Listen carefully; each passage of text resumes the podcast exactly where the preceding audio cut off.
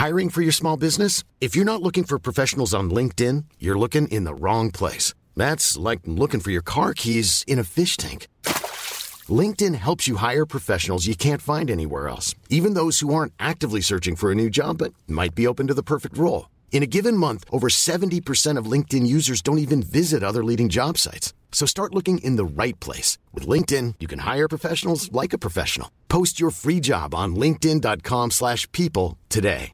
Ready to pop the question? The jewelers at BlueNile.com have got sparkle down to a science with beautiful lab-grown diamonds worthy of your most brilliant moments. Their lab-grown diamonds are independently graded and guaranteed identical to natural diamonds, and they're ready to ship to your door. Go to BlueNile.com and use promo code LISTEN to get $50 off your purchase of $500 or more. That's code LISTEN at BlueNile.com for $50 off. BlueNile.com code LISTEN. مرحبا. برحب فيكم بالحلقة الأولى من الموسم الثالث من جسدي معكم المعنتبلي لما وصلنا كفريق عمل للمراحل النهائية من هالمشروع كان على رأس قائمة أولوياتنا وأكثر شيء عم نتناقش فيه هو اختيار الترتيب يلي بدنا نبث فيه حلقات هالموسم. تناقشنا مطولا بأي حلقة لازم تكون أول حلقة. وبأي حلقة لازم تكون الأخيرة يلي نختتم فيها. وكيف لازم يكون ترتيب الحلقات ما بينهم على مدى الأشهر المقبلة؟ بالأخير لما اخترنا حلقة اليوم لا نفتتح فيها هالبودكاست بهالموسم اخترناها بسبب موضوعها. حسينا موضوعها هيك عمود حامل. عمود حامل لحكايات صراعاتنا اليومية كنساء. هو من التجليات الأوضح للخلل بمجتمعاتنا. ويمكن حتى بمجتمعات تانية متقدمة عننا بالحرية وبالانفتاح. هو تجسيد لسلطة وقوة ذكورية منحت دون أي وجه حق ودون أي رادع كمان. هو تجريد جمعي من حقنا كنساء بالشعور بالأمان وين ما كنا وكيف ما كنا. بشبكة Kerning Cultures ومنصة موج وعبر بودكاست جسدي. عم نتعاون لنروي قصص النساء من خلال سلسلة حكواتية وعلى لسان حكواتيات من أنحاء العالم العربي. تنويه صغير قبل ما نحكي حكايتنا. حكاية اليوم رح يكون فيها ذكر لوقائع تحرش جنسي. الحكاية الأولى.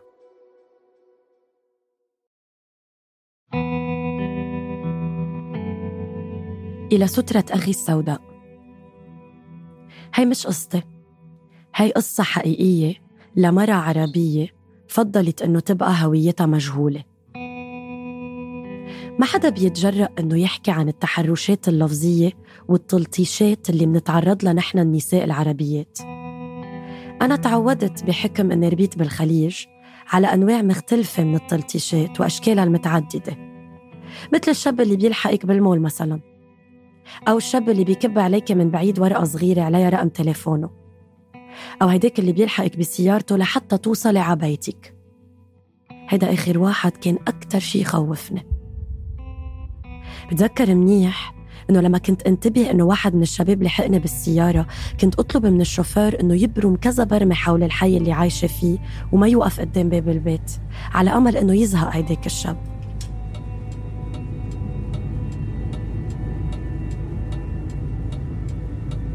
كنت دايما أسأل حالي شو اللي بيميزني؟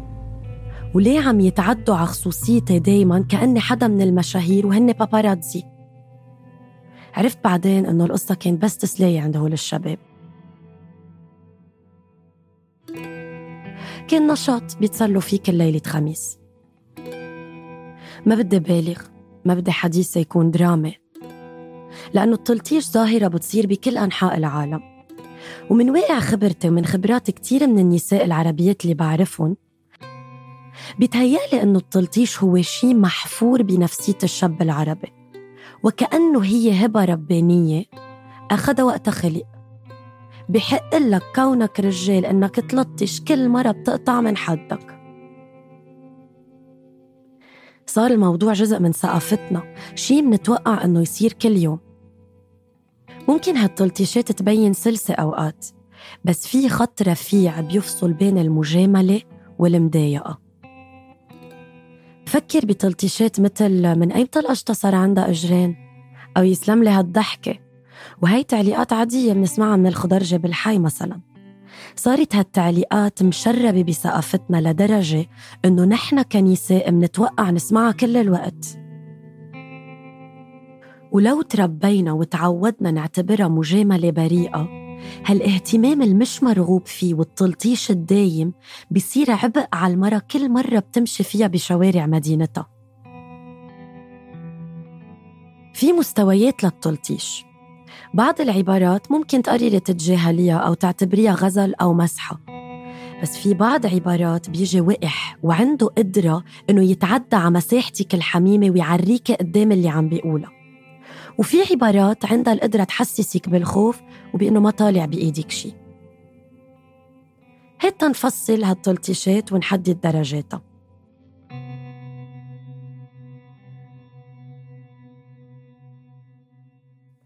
أول مستوى التعدي. غزو الفضاء. شو يا حلو؟ في منك عجلو؟ هاي تلطيشة دارجة كتير. فيك تقولي يعني تقريبا ما بتضر بس هي أكيد مصدر إزعاج كبير مثل الدبان اللي ما بتأذيك بس إنه بتعكر مزاجك وبتضل تضايقك لحتى تعملي ردة فعل إن كان منيح أو مش منيح. فمجرد ما تردي بيعتبر اللي عم بيلطشك ردك كأنه ضوء أخضر لحتى يكمل. بيقوم بيرشك بالعبارات اللي هي بتجي مزعجة أكتر وأضرب بعد مثل شو يا قشطة؟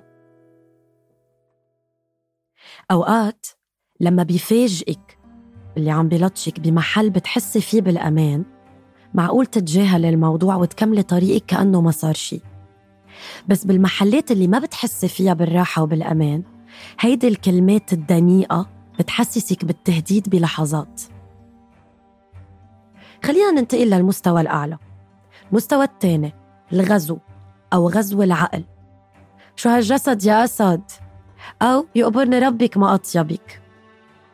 هيك بيكون الرجال انتقل لمستوى التحرش الجنسي اللفظي يعني التلطيش بتلميح جنسي. هيدا الشيء بيصعب تقبل التلطيش وبيصعب إنك تبلعيها. فالموضوع ما بيعود غزل على الجمال صار غزل أو تلميح مباشر لأجزاء معينة من الجسم. تلميح بيستعمل فيه أوصاف تقيلة. نوصل أخيرا للمستوى الأعلى والنهائي المستوى الثالث. الاحتلال. غزو الذات. يقبرني كسك تعتبر هاي الكلمات البذيئة هجوم مباشر اعتداء. بشوفها مثل الاحتلال العسكري الكامل. بتستحوذ على أفكارك على قلبك على تقديرك لذاتك وبتسيطر عليك ما بيعود فيك تتخلصي من أثرها. مثل ما ذكرت من قبل ما بتنتبه معظم النساء إنه هن عم يتعرضوا للتحرش أو الهجوم لأنه ما بيلاحظوا مدى قوة هيدي الكلمات وتأثيرها. هاي الكلمات عندها القدرة إنه تغير طريقة تفكيرك وشعورك لأنه بتلزق بجسمك بالمستقبل وبتأثر لا إراديا على الطريقة اللي بتشوفي فيها حالك والعالم وعلى خيارك للتياب اللي بتلبسيها بالأماكن العامة. وبتخليك تفكري بالطرق اللي بدك تاخديها لتوصلي لبيتك وتتجنبي شوارع معقول تلتقي فيهم هول الرجال. حتى إنك بتبلشي تحكمي عن النساء التانيين من التياب اللي لابسينهم. هي بدها تلفت نظر أو هي بدهم يلطشوها. بتخليكي هيدي التلطيشات تشكي بقدرتك بالدفاع عن حالك. لازم رد أو معقول زيد الطين بلة. هالكلمات منن مريحين أبدا ومنن طبيعيين لأي شخص إنه يسمعهم فكيف بالنسبة لبنات صغار ما بيعرفوا شو بدهم منهم هول الرجال الغرباء. أكيد رح يحسوا بعدم الارتياح ورح يحسوا إنه عم يتعرضوا لهجوم. سمعت كتير من القصص عن بنات بكوا بعد ما سمعوا هيك كلمات موسيقى وبتجرح. والمثل اللي بيقول العصي والحجارة بتكسر عظام بس الكلمات ما بتأذي حدا. شي سخيف وبلا طعمة لأنه الكلمات قادرة تترك أثر كبير وجرح عميق وتأثر عليك لباقي حياتك.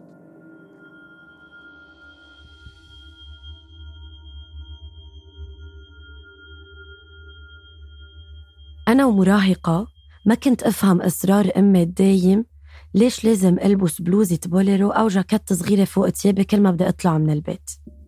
كانت تعترض وتقلي دايما تستري شوي أو البسي بلوزة أطول إذا شافتني لابسة بنطلون قطن ضيق. ما كنت أفهم ليه بوقتها. كنت أعترض وخبرها أنه ما بدي ألبس جاكيت أو قميص طويل. إنه مش شيك.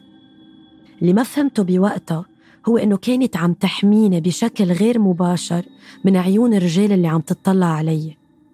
عيون البواب صاحب الدكان تحت البناية جارنا والشوفير صاحب البناية حراس الأمن اللي بيشتغل بالباركينج.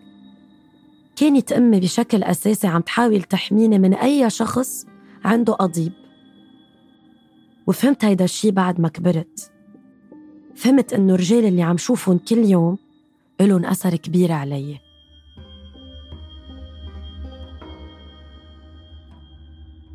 ما استوعبت العبء اللي بيرافق كوني مرة لحد ما بلغت. فجأة بين ليلة وضحاها صار في بجسمي تفاصيل لازم خبيها.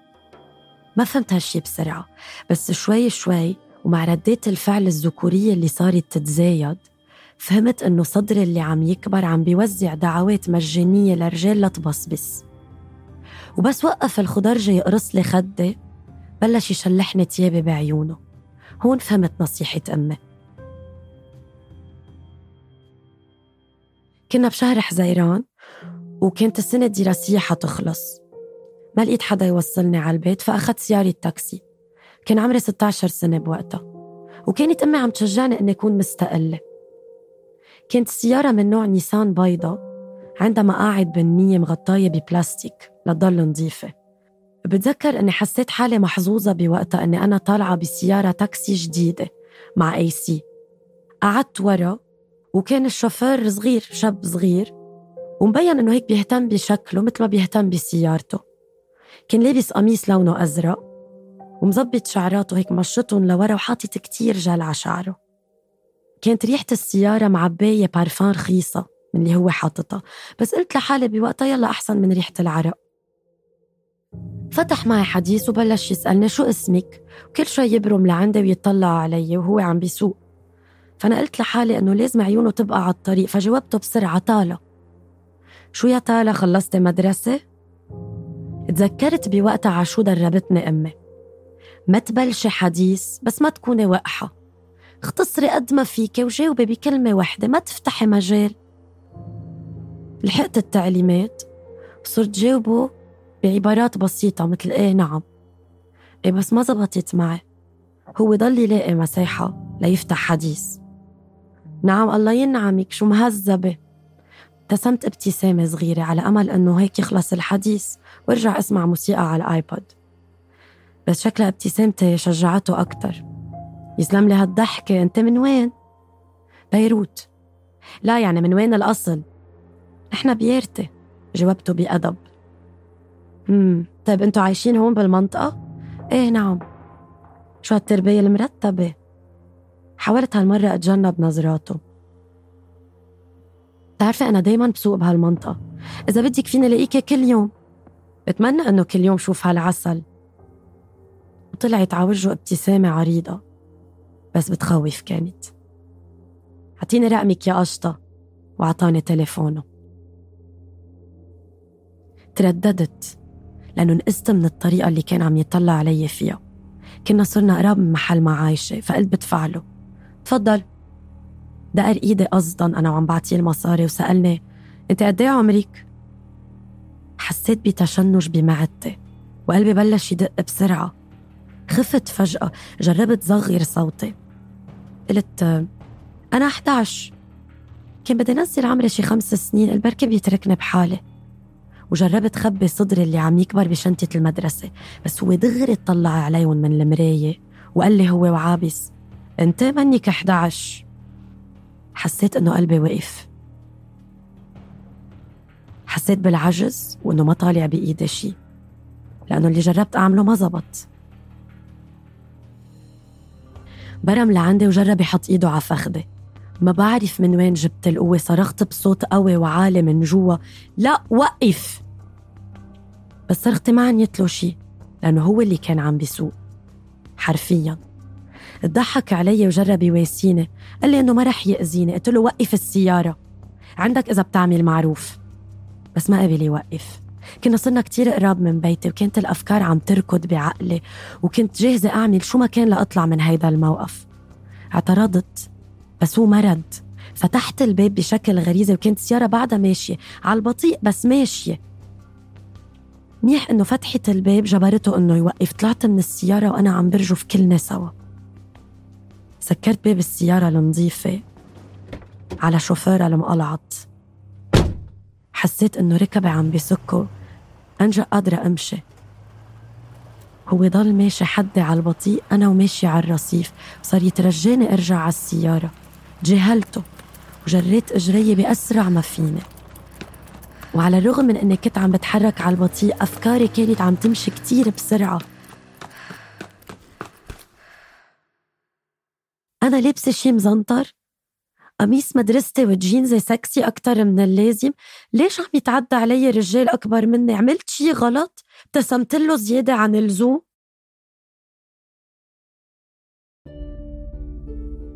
لاحظت بعد كم يوم إنه سيارة النيسان مع شوفير التاكسي نفسه عم تبرم حوالي الحي اللي أنا عايشة فيه. كنت خايفة أشوفه من جديد. صرت أتخبى بأقرب دكان أو بناية كل مرة بشوفه عن بعيد أو شوف أي سيارة نيسان بيضة. لما أتذكر الحادثة اليوم بعد ما كبرت بسأل حالي إذا شوفير التاكسي البلا أخلاق اللي وصل للمستوى التاني بكلماته. استفز من ورا ردة فعل اللي عم حاول فيها أتجنب مجاملته غير المرغوب فيها. هل هيدا الشي خليه يجرب يغزيني أكتر جسدياً؟ ترك هيدا الموقف مع شوفير التاكسي إحساس بالرعب جواتي من وقتها. صرت خاف من أي نوع اهتمام ذكوري مش مرغوب فيه. إن كانت تلطيشات بسيطة أو أي شي تاني. أخذني الموضوع سنين لأقدر أتخطى. ولهيدا السبب حتى بعزدين الصيفية كنت ألبس جاكيتي تخيي السودا الواسعة لخبي جسمي. لأحمي حالي من أي نظرة ذكورية شهوانية. ولما كنت حس بنظرات مش مزبوطة تجاهي كنت حط الهودي على راسي لخبي وجهي أكتر. بدلت ابتسامتي بنظرة عدوانية أنا وماشية بالشارع. كان بده يبين وجهي بشع. صارت هاي الجاكيت السودا درعي وراحتي وسلاحي كانت الشي الوحيد اللي بملكه لأحمي حالي. كانت الطريقة الوحيدة اللي بحس فيها إنه فيني أختفي. ما خبرت حدا شو صار معي يومها. مشان هيك ما فهموا هالتحول المفاجئ بسلوكي كيف تحولت من بنت سعيدة وحرة لصبية ما بدها تظهر بقى وبتفضل تقعد بالبيت وتحضر تيفي مسخروا علي كتير أصحابي وعائلتي وما فهموا ليه كنت ألبس هالجاكيت السوداء السميكة اللي أكبر من قياسي بنص دين الصيفية. كانوا يسألوني ببراءة مانيك مشوبة؟ فكنت كذب وأقول لا أنا دايما بردانة أخذني كتير وقت لأقدر أتقبل شو صار ولأقتنع أنه ما الحق علي وما كان عندي أي طريقة لغير تصرفات هيدا الرجل.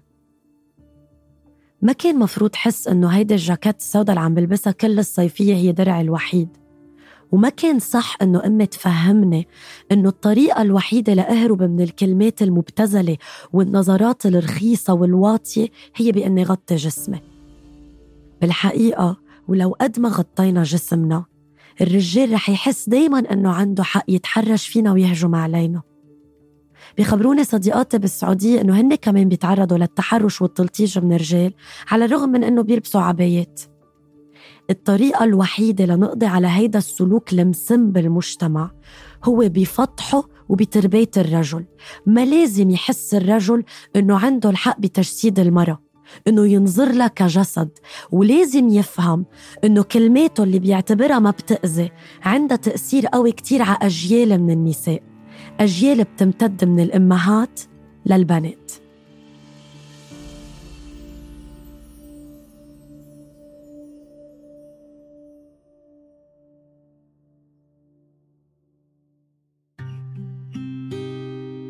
ملف التحرش الجنسي ملف كتير كبير ومليان أرقام صادمة.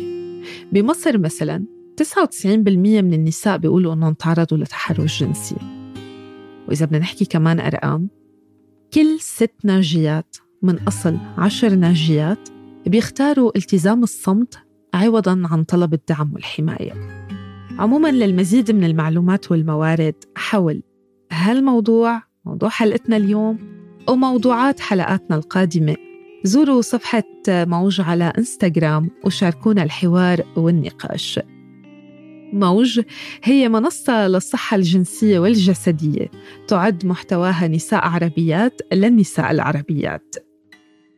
شكر كتير كبير من فريق البرنامج على متابعتكم للحلقة. من الإعداد شهد بني عودة هبة عفيفي وأنا ألمع عنتبلي وفريق موج. من التأليف الموسيقي والتصميم الصوتي محمد خريزات بول ألوف وسارة قدوري. الأداء الصوتي اليوم وتمثيل الحكاية كان لهبة سليمان. من التسويق بلا إبراهيم وسمية أبو عبد الله. ورسوم الحلقة لمنى الكاتب. انتظرونا الخميس الجاي بحلقة جديدة. ضلوا بخير.